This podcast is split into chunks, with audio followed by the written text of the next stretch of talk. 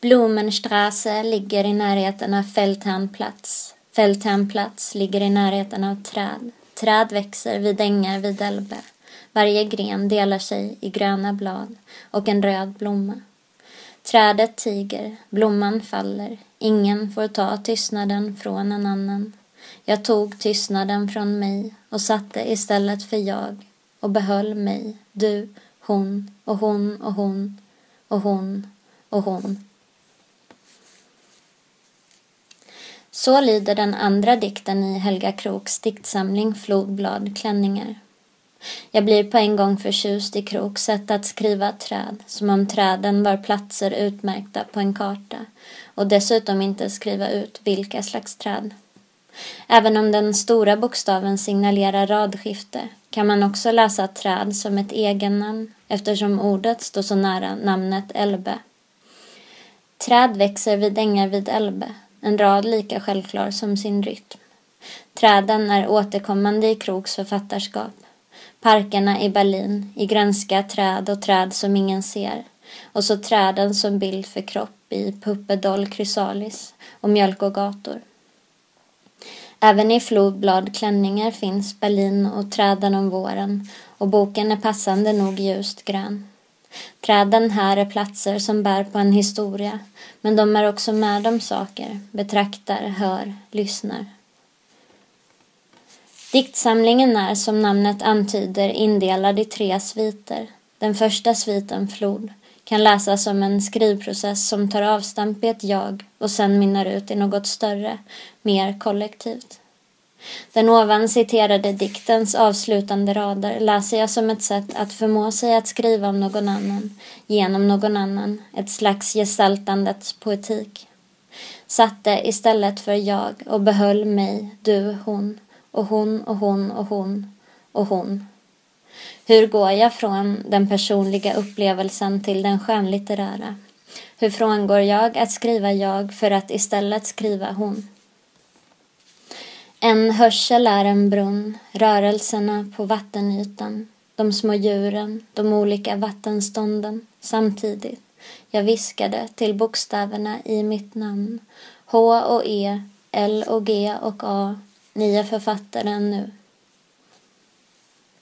Flodbladklänningar ges ut tillsammans med särsamlingen Hur många gånger kan en historia dö? Vilken kretsar kring frågan om hur det är möjligt att skriva om Förintelsen. Den innehåller läsningar och tolkningar av en rad andra konstnärer och författares bearbetningar av temat. Stevesem Sandberg, Aris Fioretos, Nelly Sachs, Susan Hiller, Jail Hironsky med flera. Diktsamlingen och essäboken fungerar utmärkt åtskilda men diktsamlingen vinner på att läsas tillsammans med essäboken då essäernas många frågor kopplade till historia och tystnad, lyssnande och skrivande ljuder och genljuder även i diktsamlingen.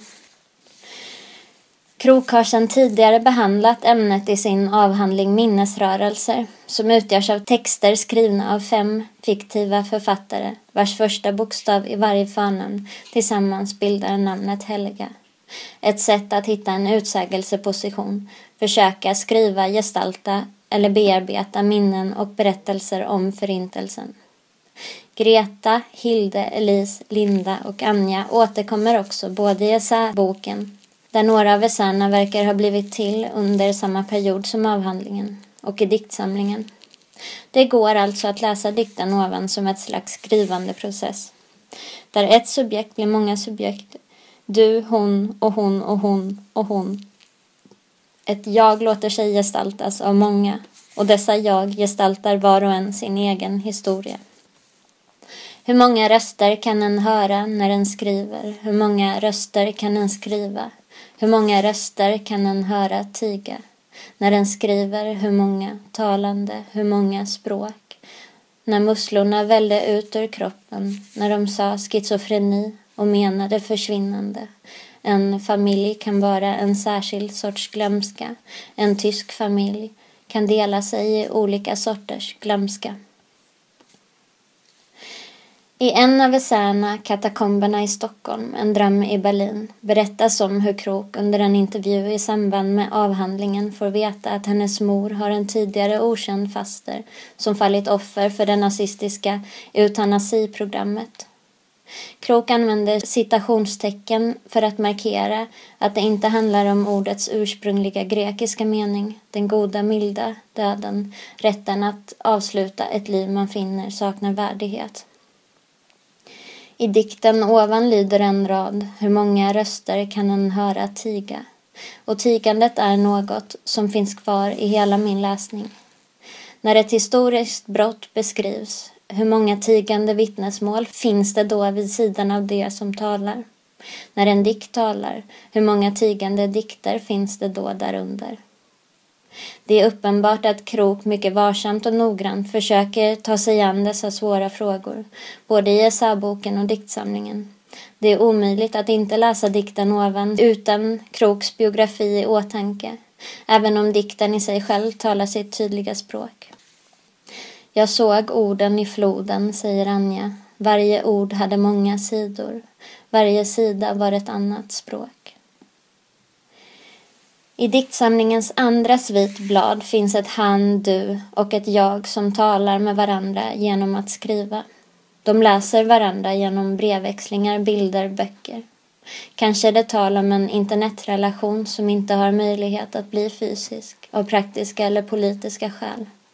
Dikterna handlar om att skapa sig själv inför den andra, att bli till genom den andres blick och om att dela en historia utan att ha möjlighet att mötas.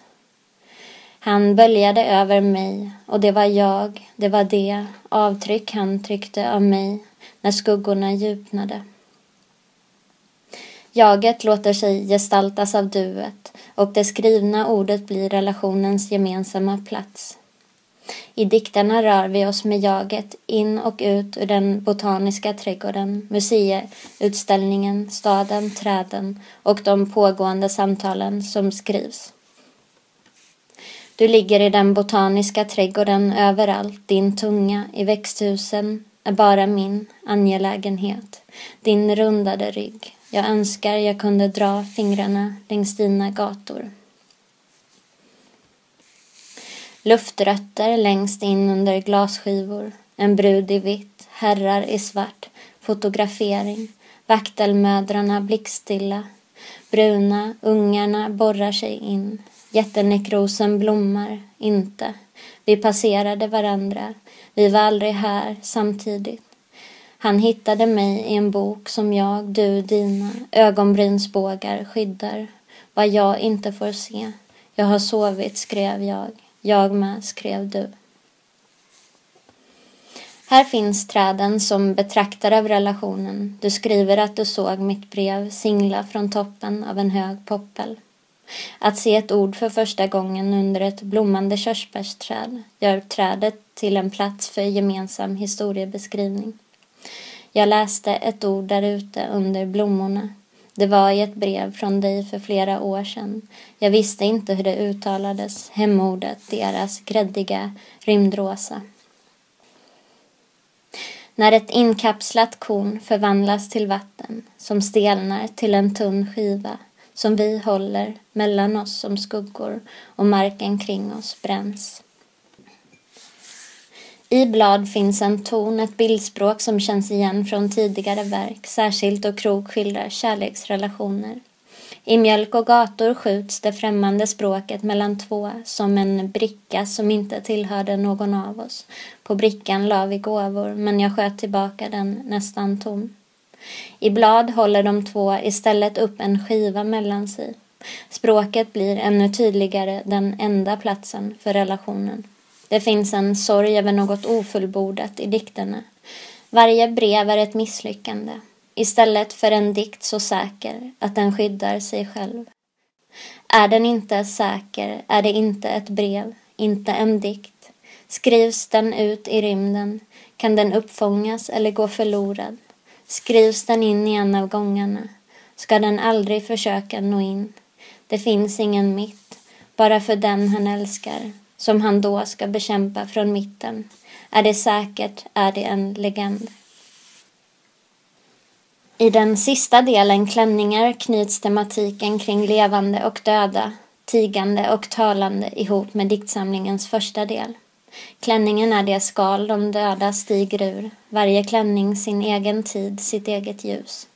Men också den roll, de konventioner som sänks ner över oss.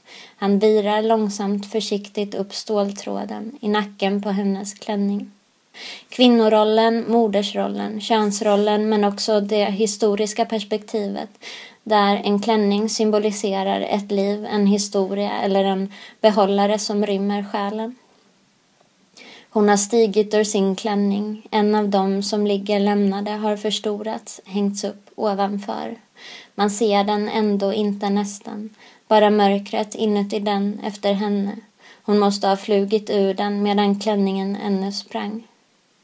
Den lite slitna bilden av en marionett som hålls upp av trådar som styrs av någon annan används också. Marionetten säger att gränsen för kroppen är dragen på en helt annan plats. Två av dikterna i Klänningar har blivit till genom bearbetning av texter från en hemsida för mönsterkonstruktion skrivna av signaturen Lillit, får jag veta i en not i bokens slut. Det förklarar ett eh, skifte i ton som jag under läsningen reagerar på och kanske inte är alldeles förtjust i. Lillits enkla tilltal står i för stor kontrast till Kroks avancerade bildspråk. Ta dockans mått och konstruera grundmönstret till livet. Byt färg på pennan emellanåt. Försegla kanterna. Här lyckas orden inte bli bilder utan stannar kvar i det konkreta. Även om jag förstår att Krok tänker sig att instruktionerna ska fungera som bilder för något större. Jag tänker återigen på vad jag tidigare kallade för gestaltandets poetik. Det vill lite förenklat säga när Krok genom att använda sig av en historia eller person omvandlar historien eller personens röst till en egen diktens röst. Detta behöver inte vara fråga om framskrivandet av ett psykiskt tillstånd utan kanske snarare ett arbete med vissa språkliga parametrar.